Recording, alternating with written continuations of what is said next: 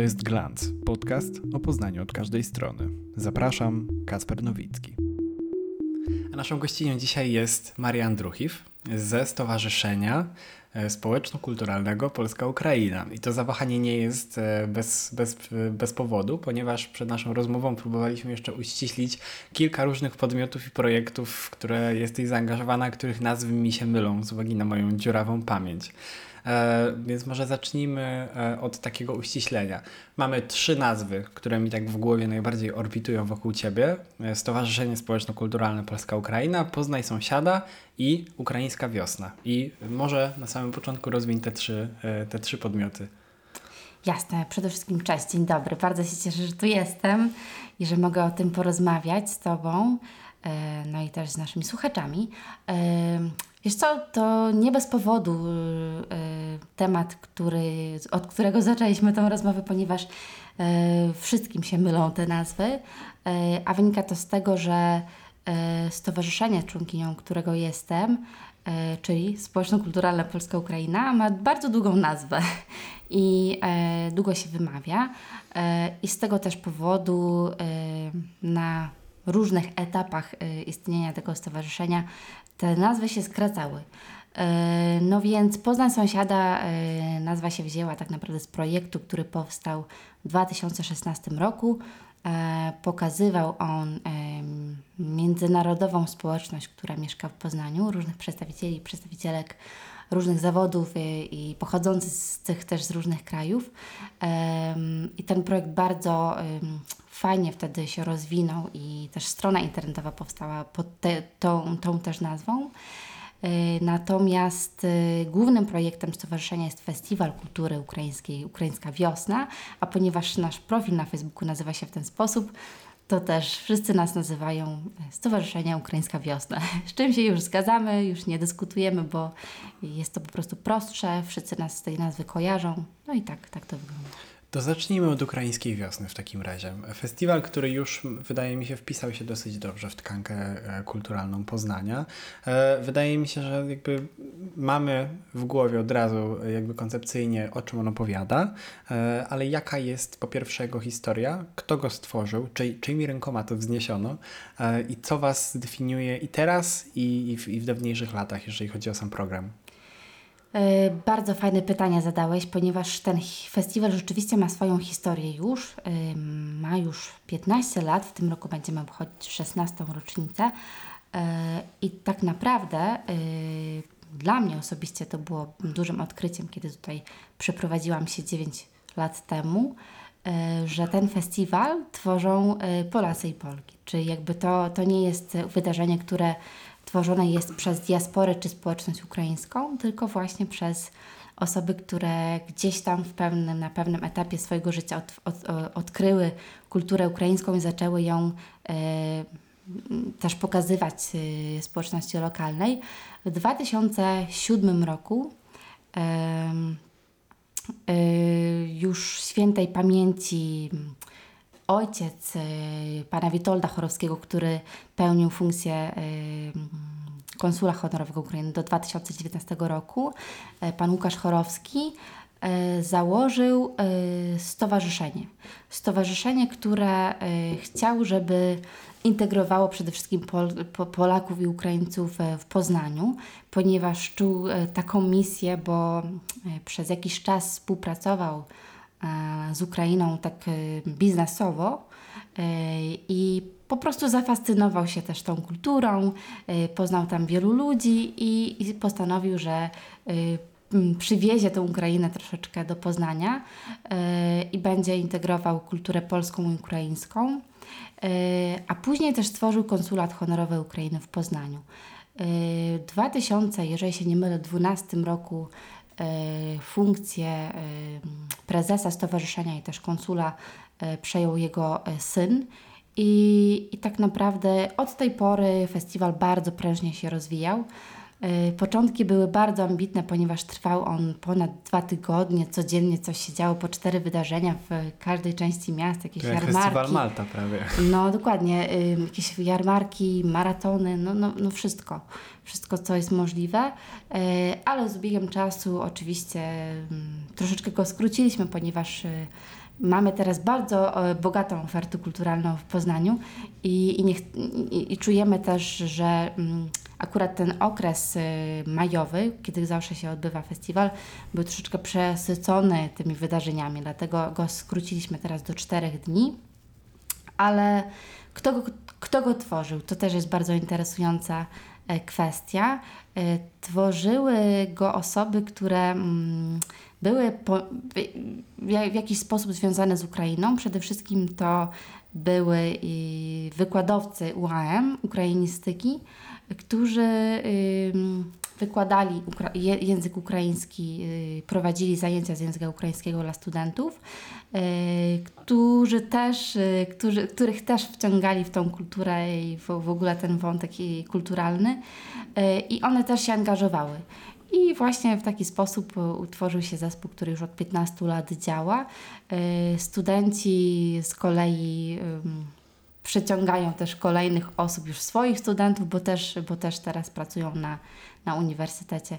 No i, i, i tak, to, tak to wygląda. Natomiast oczywiście teraz, o ile mamy więcej mieszkańców y, Ukrainy w Poznaniu, no to w stowarzyszeniu mamy też y, teraz mieszaną grupę członkini i członków. To jest bardzo ciekawe, co powiedziałaś, że tego nie wiedziałem. Muszę przyznać, że stworzyli ten festiwal Polacy e, i powiedziałbym, że tego nie rozumiem, ale to rozumiem w pełni, e, ponieważ ja co prawda w troszeczkę mniej e, sprzyjających okolicznościach poznałem kulturę Ukrainy. Natomiast ja w momencie, w którym pierwszy raz w Ukrainie byłem, mniej więcej miesiąc temu i kiedy zetknąłem się bliżej z tą kulturą i z tymi ludźmi, ja bardzo silnie poczułem to, co wy, wypowiedział chyba Wołodymyr Zełański, tak mi się wydaje, że y, Ukraina e, nie ma starszego brata, ale ma za to y, młodszą siostrę jest nią Polska. I tak jak ja nigdy, przenigdy nie, nie czułem żadnego związku, nawet z kulturą polską, mówiąc szczerze, nie, nie czułem się jakoś tak bardzo e, wchłaniany przez nią, kiedy, kiedy do mnie ona dociera, czy to z muzyką, czy z architekturą, czy, czy z jakimikolwiek dziełami, czy po prostu z ludźmi tak kiedy do mnie dotarło, jakby cały ogrom, po prostu ten tygiel, który mam wrażenie, że w Polsce w poprzednich latach kompletnie nie istniał, bo takim, w takim mainstreamie kulturalnym ja się z tym zakochałem. To znaczy w, i, i w języku, i w piosenkach, i, i, i we wszystkim. I to też za sprawą między innymi e, waszego festiwalu. E, zanim przejdziemy do, do, tego, do czego przejść musimy, ale też chyba trochę dobrze, żebyśmy o tym porozmawiali, bo, bo to ma potężny wpływ na społeczność Poznania, to chciałbym zapytać właśnie o tą diasporę ukraińską w Poznaniu i czy w ogóle słowo diaspora jest w porządku? Bo diaspora mi się zawsze kojarzy, e, wiesz, z Polonią w Stanach Zjednoczonych, która nie ma kontaktu z Polską od 150 lat, tylko tam przyjechali, jak wiesz, jak jeszcze dziki zachód był. E, I te społeczeństwa, i to się już dzieje od dawien dawna, polskie i ukraińskie, one się strasznie przenikają. Nie? Mamy dużo Polaków, szczególnie na zachodniej Ukrainie, i mamy bardzo dużo Ukraińców w Polsce. Jak wygląda, bo myślę, że wiele osób może tego nie wiedzieć, społeczność ukraińska w Polsce? To znaczy, zakładam, że nie jesteście jedyną organizacją, zakładam, że istnieje bardzo dużo różnych grup osób, które się organizują w różnych celach. Jakie to jest duże. Bo sprzedaj nam, sprzedaj nam tą diasporę. Wiesz co, bardzo słusznie powiedziałeś o tym, że czy w ogóle istnieje, czy w ogóle istnieje diaspora ukraińska w Polsce i, i jak to wygląda. Yy, na tą chwilę powiem Ci szczerze, że ja styczność z taką diasporą stricte yy, sama miałam dopiero w tym roku, kiedy wyjechałam na yy, konferencję poświęconą też rocznicy pełnoskalowej y, wojny do Giżycka i tam właśnie poznałam y, takich Ukraińców, rodowitych Polaków, tak naprawdę diaspora, która już tam w trzecim czy czwartym pokoleniu mieszka w Giżycku, ale, ale gdzieś tam tą kulturę ukraińską kultywuje kultywują, do, kultywuje dokładnie.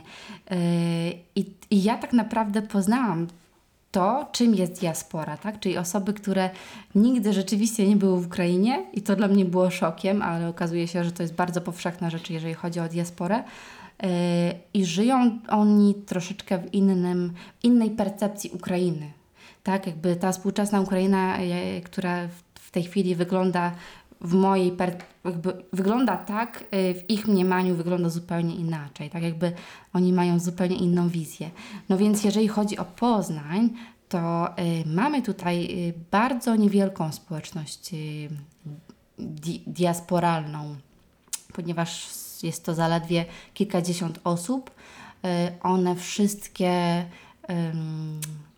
integrują się w, w, w cerkwi grecko-katolickiej w Poznaniu i szczerze mówiąc, to my z nimi bardzo mało mamy kontaktu. To jest bardzo interesujące. Oni mają swoje wydarzenia, swoje spotykają się, mają, mają też swoje zainteresowania i owszem, przychodzą na festiwal i to akurat zawsze jest taki y, moment, kiedy się spotykamy i z nimi y, konfrontujemy, ale y, nie ma takiego poczucia, że jesteśmy jedną całością. To jest bardzo interesujące.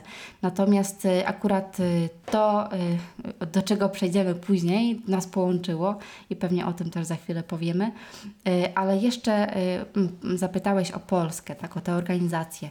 No szczerze Ci powiem, że nie jestem w stanie teraz y, przedstawić y, jakiegoś, jakiejś konkretnej liczby, bo niestety nie dysponuję tą wiedzą, ale wiem na pewno, że organizacji ukraińskich, pozarządowych organizacji jest teraz bardzo dużo. Y, w samym Poznaniu jest co najmniej cztery nowe, które się otworzyły od początku zeszłego roku, więc to jest moim zdaniem to jest mm, bardzo dobry sygnał, bo przede wszystkim y, społeczeństwo obywatelskie działa, chcą się rozwijać, chcą robić jakieś fajne rzeczy, y, ale też oznacza to, że w Polsce mają do tego przestrzeń, że władze lokalne ich wspierają, że i że mogą realizować to, co chcą, tak? Więc jakby tutaj absolutnie mm, jestem zdania tego, że bardzo, bardzo dobrze sobie radzą, ale też y, bardzo y, wspierani są przez, przez państwo.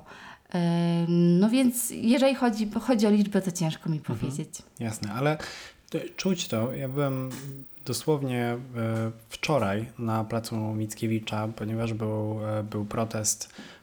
I w zasadzie nie wiem, czy mogę to nazwać protestem, bo miałem, miałem wrażenie, paradoksalnie, że jestem na takiej troszeczkę agorze.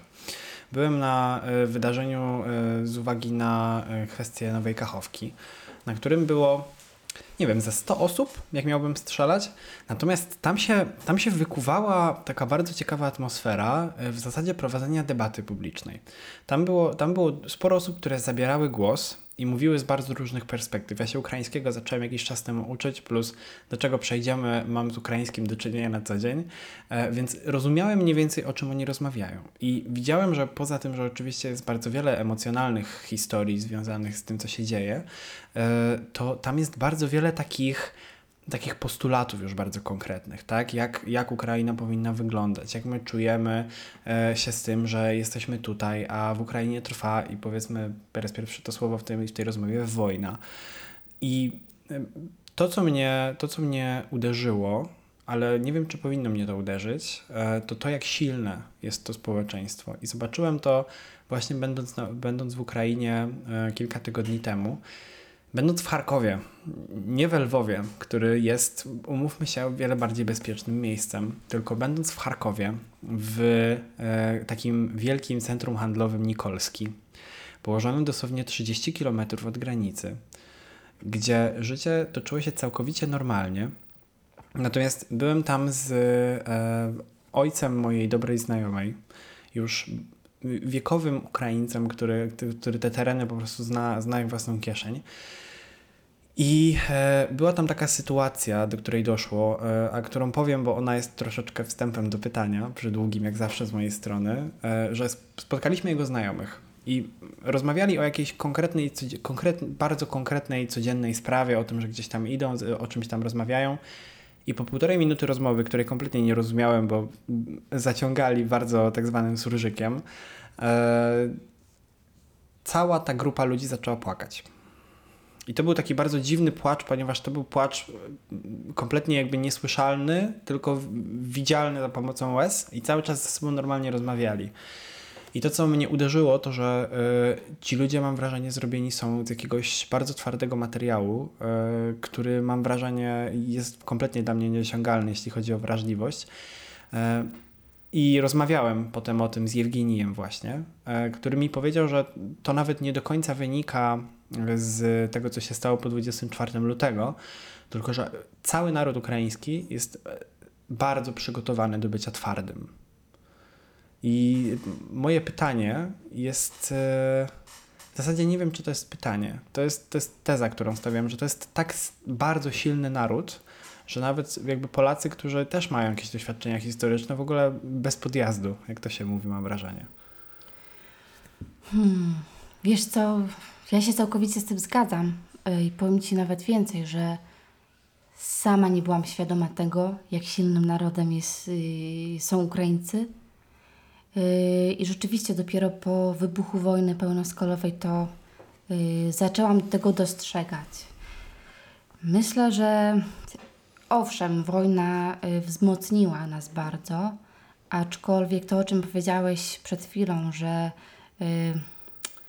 ta, to bycie twardym wynika niestety z wielu, wielu lat y, walki, być może nawet nie bezpośredniej, ale zawsze mieliśmy sąsiada, którego mamy, niestety, i ten sąsiad nie rozpoczął wojny w tej chwili. Takiej niespodziewanej i, i nagle, nagle zaatakował, tylko zawsze, od zawsze, od wielu lat, od dokładnie 370 prowadził walkę z narodem ukraińskim.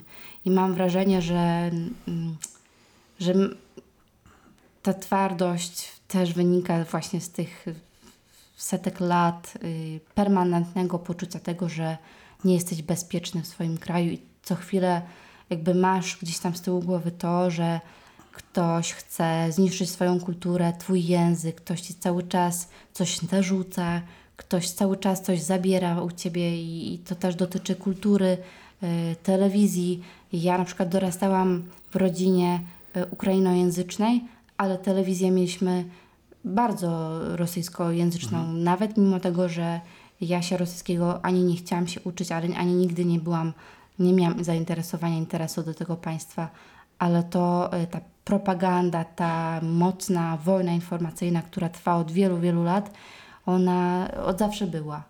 Więc mam wrażenie też, że gdzieś tam z tyłu głowy zawsze wiedzieliśmy, że mamy sąsiada, z którym kiedyś trzeba będzie konfrontować, bezpośrednio lub nie. Więc mnie się wydaje, że to też z tego wynika. A poza tym, i tu się nie zgodzę, że naród polski nie ma tej twardości, bo ma, i mam wrażenie, że yy, wynika to też z, ze wspólnych takich. Yy, kartek historii. Podobnych doświadczeń z tym samym 80., sąsiadem. 90. lata.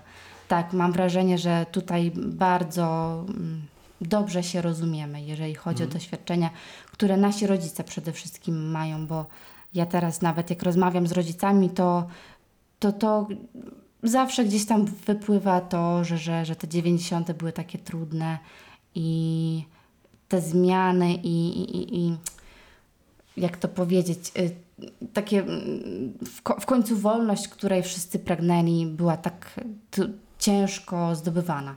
To była tak zwana głodna wolność. To takie, tak, takie sformułowanie, to takie sformułowanie mhm. gdzieś słyszałem. Kiedy mówiłem o tej twardości, nie myślałem tylko o, o byciu powiedzmy przyzwyczajonym do wojny, przyzwyczajonym do problemów i przyzwyczajonym do, do, do cały czas chodzenia pod górkę, ale to, co zauważyłem, i tutaj nie mam absolutnie do czego tego porównać, bo zawsze żyłem w Polsce, a nigdy nie miałem e, jakby doświadczenia innego z taką sytuacją. Kilka tygodni po wybuchu wojny jakby przyjechały, przyjechała do mnie matka z dzieckiem z Charkowa. E, to było bardzo niedługo po, na początku marca. My po prostu ogłosiliśmy, że mamy wolny pokój i że zapraszamy. Mm, nigdy w życiu nie pomyślałbym, że będę skręcał łyżeczko dla niemowlaka u mnie w domu. E, wręcz przeciwnie, planowałem tego unikać przez większość mojego życia. Natomiast e, oczywiście, e, kiedy tylko się dowiedzieliśmy, że jedzie do nas matka z półtora rocznym dzieckiem, no to w ogóle nie było dyskusji. I oczywiście tak. Mieszkamy ze sobą do dzisiaj już ponad rok, zaraz tak naprawdę będzie półtora roku. Ale nie o tym mówię. Mówię o tym dlatego, że to, co od razu, dosłownie pierwszego dnia, jeszcze zanim, e, kiedy wróciłem do Polski, bo wojna zastała mnie w Niemczech akurat, E, ja zauważyłem, że y, to, ta społeczność jest tak zorganizowana, że tam jest wszystko tak dopięte na ostatni guzik. I, kiedy, i powiedziałem o tych osobach, z którymi mieszkamy, dlatego że y, kiedy tam było cokolwiek do załatwienia, jakieś papiery do wypełnienia, coś, nie wiem, był potrzebny nocnik albo kosmetyki, albo było potrzebne coś dla kota koleżanki, albo trzeba się było gdzieś przejechać, to się okazywało, że do wszystkiego jest grupa na Telegramie, to przede wszystkim. Wszystko ma jakąś swoją nazwę albo jest jakiś folder, w którym coś jest opisane. Jest 70 różnych wydarzeń w ciągu tygodnia, e, merytorycznych, kulturalnych, integrujących, wspierających, psychologicznych. I to, co zauważyłem, to że stworzyło się i chciałbym to powiedzieć tak, żeby to w pełni jakby oddało to, o czym mówię, równoległe społeczeństwo. To znaczy, e, nagle się okazało, że e, mają swoje e, kościoły, które są jednocześnie miejscami integracji kulturalnej. Nagle się odbywają koncerty, są normalne usługi, tak? Nagle mi się pod domem otworzyła poczta ukraińska, co było absolutnie fantastyczne. I to było dla mnie o tyle ciekawe, że ja znam trochę mniejszości mieszkających w Poznaniu. I to pewnie też jest kwestia skali ale ja nigdy nie, nigdzie nie widziałem takiego zintegrowania i takiego po, po prostu y, robienia czegoś z niczego i to mnie akurat skłoniło do tego, że jednak jakieś wspólne punkty mamy. E, a pytam o to dlatego, że przez wiele osób jesteś znana jako ty pewnie zaraz powiesz oczywiście, że przesadzam, ale jako osoba, która zawiadywała dużą częścią e, pomocy i humanitarnej, i dla osób na miejscu. E, I jak się myśli o tirze w, w, pełnym darów wyjeżdżającym do Ukrainy, to się myśli o Marii, która stoi obok niego uśmiechnięta z innymi osobami. E, i jak ci minęły te pierwsze miesiące? Bo to jest, to jest coś, co, o co pytam wiele osób. jakie masz doświadczenia? Co pamiętasz? Czy w ogóle coś pamiętasz? Czy na przykład tak jak ja, niewiele w ogóle pamiętasz z tych pierwszych tygodni? Długie było pytanie. Ja, ja, to było pytanie z tezą ukryte. Ach, tak. Wiesz co, ja chciałabym jeszcze tylko odnieść się do pierwszej części Twojej mhm. tezy o tym integrowaniu się i tworzeniu społeczeństwa o społeczeństwie. To jest rzecz, którą też zaobserwowałam. Ona wcześniej oczywiście też istniała, aczkolwiek teraz jest jeszcze bardziej zauważalna. Oczywiście to wynika z, ze skali. E, i y, ja się jednej rzeczy tylko boję w tym momencie, kiedy coś takiego się dzieje, że to społeczeństwo może się bardzo mocno izolować mhm. od y, społeczeństwa, z którym mieszka na co dzień, tak? Więc zależy mi bardzo na tym, żeby y, Ukraińcy i Ukrainki, które, którzy tutaj przyjeżdżają, żeby również poznawały i poznawali polskie społeczeństwo, to jak tutaj to funkcjonuje, bo ja rozumiem, że oni większość, jeżeli chodzi o uchodźców wojennych, bardzo nie lubię tego słowa, osób y, tymczasowo przemieszczonych, y, że oni mają zamiar wracać i dlatego być może nie otwierają się jeszcze tak bardzo na mhm. polskie społeczeństwo. Znam dużo osób, które w ten sposób tutaj funkcjonują, mieszkają, ale mimo wszystko akurat to jest i plusem, i jednocześnie minusem moim zdaniem, wiesz ale wydaje mi się, że organizacje pozarządowe w Poznaniu, które działają na rzecz np. integracji y, cudzoziemców, bardzo dobrze sobie z tym radzą i na razie wydaje mi się, że idziemy w dobrym kierunku, jeżeli chodzi o zintegrowanie tych dwóch społeczeństw. E, jeżeli chodzi o te pierwsze y, miesiące, które po wybuchu pełnoskalowej wojny, wiesz co, pierwszy, pierwszy, pierwszych tygodni nie pamiętam, aczkolwiek już miesiące, ten, ten rok, y, owszem, był bardzo pracowity i bardzo intensywny, ale ja doskonale pamiętam y, wszystko, co się działo, bo czułam i czuję zresztą cały czas ogromną odpowiedzialność za to, co się dzieje y, tutaj przynajmniej. Mm, rozumiem też, że w, na początku, kiedy tutaj zjeżdżały się tysiące osób z Ukrainy, byłam takim punktem kontaktu. Ja dostawałam po prostu setki telefonów, maili, e, SMS-ów. Zresztą do tej, do tej pory dostaję, ale już w innej skali. E, I nawet jak czegoś sama nie wiedziałam, to czułam taką misję, że muszę się dowiedzieć i, i załatwić coś. Bo... Że jak nie ty, to nikt nie da rady. Tak, mimo jakby to absolutnie nie wynikało z tego, że ja się czułam jakoś uprzywilejowana czy coś mhm. w tym stylu, tylko ludzie wkładali tak dużą nadzieję w te swoje pytania i potrzeby, że ja nie mogłam inaczej, więc mnie się wydaje, że może nawet dobrze, że w ten sposób y, ten rok mi minął, ponieważ ja strasznie przeżywam wojnę. W ogóle mentalnie do tej pory nie mogę się pozbierać i niby już jestem wzmocniona emocjonalnie bardziej, ale cały czas bardzo przeżywam każde wydarzenie i, i dobrze, że, że tak dużo wszystkiego się działo, bo to mi pomogło troszeczkę zmienić y, jakby fokus, zmienić, wiesz, zmienić mm, to, na czym się skupiam bardzo, czyli jakby te realia wojny, yy, przewijanie wiadomości, sprawdzanie. Nie miałam na to czasu i bardzo dobrze, bo jak teraz gdzieś mam wo, wo wolny czas, to niestety, ale cały czas sięgam, wiesz, po jakieś wiadomości, po jakieś kanały na Telegramie, jakieś oglądam wywiady wojsk y, militarne i wiesz, i, i rozumiem, że to już troszeczkę mnie samą przerasta, więc więc im więcej działalności wolontariackiej, tym lepiej. Powiedziałaś o osobach, i to będzie krótsze pytanie, obiecuję. Powiedziałaś o osobach, które planują wrócić. Znam wiele osób właśnie z Ukrainy, które tu mieszkają, które e, nie mają pojęcia pamiętam, że kiedy e, przyjechała Masza z Jehorem, bo mogę mówić o nich, o nich, o nich w ten sposób, e, ja spytałem się pierwszego tygodnia, czy mamy załatwiać jakiś żłobek dla Jehora. I utkwiło mi jakby w głowie do końca życia mi utkwi jej odpowiedź wtedy, że nie, bo myślę, że tak trzy tygodnie pobędziemy i pewnie będziemy wracać. No więc Jehor skończył właśnie żłobek i idzie do przedszkola. E, jak odróżniłabyś? To znaczy, pewnie nie rzucisz mi procentem, ale yy, tak jak mówisz, patrzysz po znajomych, wiele osób planuje zostać. To znaczy, czy, czy wrośli już, czy myślisz, że to raczej jest tak, że wszyscy bardzo tęsknią i chcą już wrócić? Jak to się też układa w kontekście tego, że przede wszystkim są to kobiety i dzieci? Trudno stwierdzić, bo rzeczywiście początki były.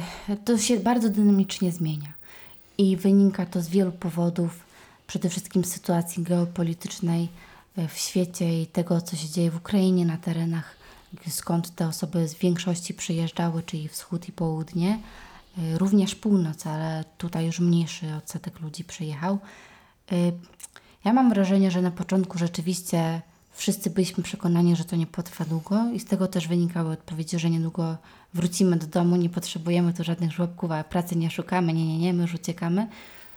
Teraz to wygląda inaczej, bo jesteśmy wszyscy bardziej świadomi tego, z czym mamy, z kim mamy do czynienia, z jakim wrogiem yy, i że ta walka jeszcze potrwa i będzie trwała niestety dłużej niż nam się wydaje.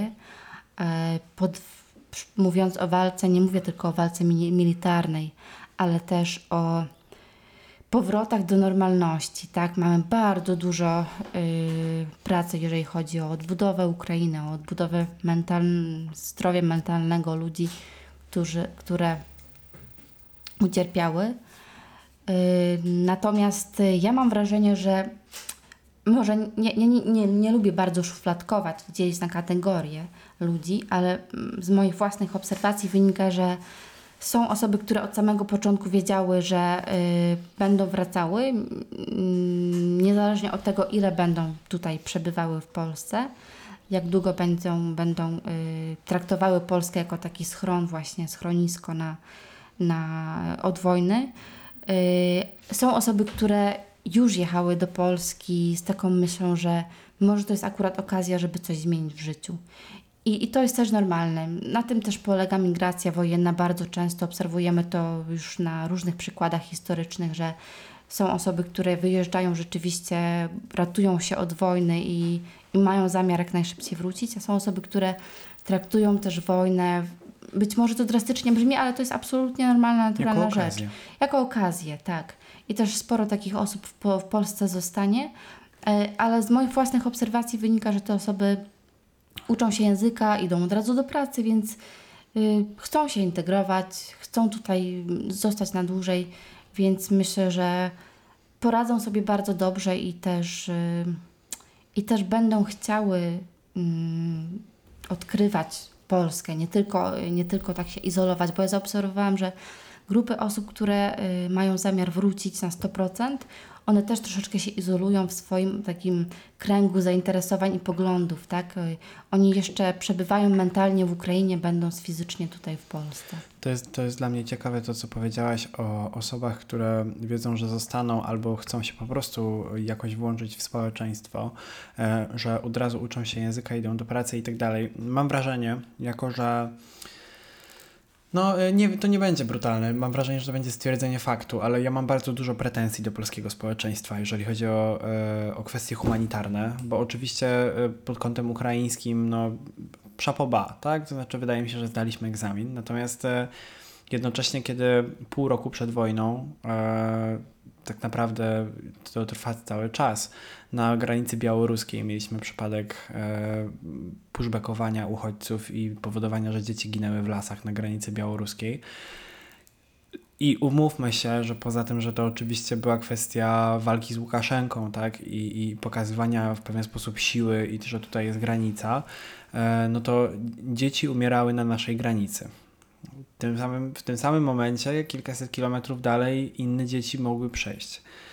I to, co jest dla mnie ciekawe, to to, jak Polacy y, patrzą na osoby, które tu przyjeżdżają. Było takie badanie kiedyś, że dla Polaków nawet ważniejsze od tego, czy skąd pochodzi dana osoba z mniejszości, jest to, czy ta osoba pracuje. I to się okazało, że to jest w ogóle naj, najważniejszy czynnik. Nie, nawet nieważne, czy mówi po polsku, potem jest oczywiście religia i tak dalej, która mam wrażenie, że o ile tutaj jest, e, jest, jest bardzo często e, grekokatolicka, to e, prawosławna, to, to jest, czują tu jakieś pokrewieństwo. E, o tyle e, te osoby, które, to, to jak, na, jak pracowity jest naród ukraiński, to jak on, mam wrażenie, że zaimponował Polakom, e, też miało bardzo duży wpływ na te stosunki tych, tych, tych dwóch społeczeństw, które, może to nawet źle powiedziałem na początku, nie są równoległe, one, bo one się bardzo przenikają. Tak, tak, przenikają się, ale jednocześnie ty już teraz masz y, dużo znajomych z Ukrainy i pewnie dobrze wiesz, że przenikają się, ale też jest bardzo dużo różnorodności, mhm. które dopiero w praniu tak poznajesz. Tak, wiesz co, y, to jest strasznie trudny wątek, y, który poruszyłeś i dla mnie bardzo bolesny, bo uważam, że nie tylko społeczeństwo polskie, ale i ukraińskie i też innych krajów sąsiadujących nie zdało tego egzaminu i mam tutaj takie, taki dysonans wewnętrzny i takie nawet wyrzuty sumienia, że mm, zareagowaliśmy zupełnie inaczej w dwóch bardzo podobnych sytuacjach. Ja wiem, z czego wynika to, że nie są identyczne, tak? I rozumiem, że to jest o wiele bardziej skomplikowany temat, jeżeli chodzi o granicę y, polsko-białoruską, natomiast strasznie boli mnie to, że dzielimy ludzi, tak? I ty, i ty tutaj masz e, absolutną rację. Ja na początku też miałam straszny dysonans i sama nie wiedziałam, jak mam się zachować i, i do tej pory nie wiem. Bo do tej pory niestety to trwa i śledzę też wolontariuszy, którzy działają tam na granicy. Grupa Granica pewnie kojarzysz organizację tak, taką pozarządową i też ich wspieram mm, wpłatami jakimiś y, na, na zrzutkach, ale to jest absolutnie kropla w morzu. I, i szczerze mówiąc, no trudny to jest bardzo temat. Ja nie chciałem absolutnie wywołać w tym momencie w tobie jakiegoś poczucia mhm. winy. Absolutnie mi nie o to chodziło. Ja mam, e, ja mam generalnie takie podejście do rzeczywistości, że fajnie by było, gdybyśmy e, niezależnie od tego, co się dzieje, nie dawali marznąć dzieciom, nie? I generalnie jakby nie jestem w stanie zrozumieć tej sytuacji, natomiast e, to jest myślę problem też polski, który, który, który jest do rozwiązania. Ale pytam o to dlatego, że chciałbym trochę nawiązać do przyszłości i, i tego, co. Ja nie wiem, ja nie użyję słowa nadzieja, bo ja uważam, że my wszyscy jesteśmy przekonani, że Ukraina wygra tą wojnę, e, niezależnie od tego, co się dzieje teraz, czy co się działo miesiąc temu, czy co się będzie działo za miesiąc. Ale y, Chciałbym trochę porozmawiać o Ukrainie w przyszłości. To znaczy, wiemy dobrze, jak wielkie są zniszczenia infrastrukturalne, gospodarcze, ludzkie. Wspomniałaś też o psychice, e, ale zastanawiam się, jak myślisz sobie Ukraina po wojnie, to co sobie myślisz? Ukraina po wojnie e, to będzie kombinacja zmęczonych mentalnie ludzi, e, też zresztą fizycznie i tych, którzy mm, będą bardzo zawzięcie ją odbudowywać. Mam wrażenie, że będzie dużo bardzo kontrastów. Yy, na tą chwilę nie jesteśmy jeszcze w stanie w ogóle oszacować i uświadomić sobie tego, jak dużo ludzi, którzy są w tej chwili na wojnie, yy, na froncie, na pierwszej linii frontu, jak oni wrócą, jak dużo pomocy oni będą potrzebowali, przede wszystkim takiej wsparcia mentalnego, zagospodarowanie ich czasu, znalezienia pracy itd. Tak Te osoby nie będą mogły jeszcze pracować. E, poza tym też będzie bardzo dużo osób niepełnosprawnych, ponad milion z tego, co ostatnio czytałam w danych statystycznych, więc bardzo długa, y, długa ścieżka odbudowy takiej właśnie mentalnej, bo mnie się wydaje, że już teraz bardzo dużo firm zagranicznych y, przygotowuje się do współpracy takiej gospodarczej z Ukrainą. Zresztą powstają już różne programy rządowe, współpracy międzynarodowe, fora y, i wiele, wiele innych instytucji, organizacji, które będą w przyszłości koordynowały wejście nowych firm na rynek ukraiński i też również odbudowę infrastruktury ukraińskiej gospodarki. Y, I to będzie się działo moim zdaniem bardzo szybko bardzo szybko i, i myślę, że w zaledwie 10 lat będziemy patrzyli absolutnie na inną Ukrainę. Zresztą ja teraz obserwuję, jak się odbudowuje region Ukrai- kijowski, jak byłam ostatnio. W Buczy absolutnie nie ma żadnego śladu po tym, co się tam wydarzyło. Oczywiście warto tutaj wspomnieć o tym, że bardzo dużo partnerów zagranicznych się zaangażowało w odbudowę akurat Buczy. I wiem na pewno, że będą się angażować, bo nawet w tej chwili mamy takie, prowadzimy współpracę z partnerami mm, z różnych y, krajów świata, którzy już zbierają informacje, robią research, y, przygotowują się, co będą robić w przyszłości, jak będą wchodzić na ten rynek, jak to w ogóle wygląda i tak dalej. Więc to się zadzieje bardzo szybko. Natomiast to, co, co będzie się działo ze społeczeństwem, potrwają, potrwają lata, zanim wrócimy do normalności. Zresztą mamy bardzo dużo i w Polsce też osób, które już mają tak zwane PTSR, czyli posttraumatyczny syndrom, z którym też na co dzień walczą, ale może nie wszyscy są świadomi tego, że go mają. Nawet zresztą mam bardzo dużo znajomych Polaków i Polek, którzy też niestety już zostali urażeni przez wojnę mentalnie, tak bar bo bardzo przeżywają, angażują się, jeżdżą jako wolontariusze, to przecież też zostawia ogromny ślad na psychice. Ja byłem zaszokowany e, i to będzie pozytywny wtrąd.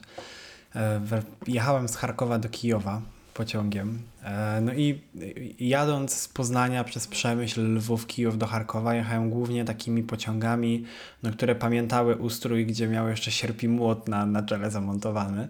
Natomiast e, na, kiedy na peron w Charkowie podjechało takie nowoczesne Intercity, do którego jak wsiadłem, e, podano mi moje własne chusteczki higieniczne, moją własną wodę z logiem i pani się do mnie uśmiechnęła. A kiedy dałem pani papierowy bilet, to spojrzała na mnie troszeczkę, jakbym przyjechał tu z innej epoki.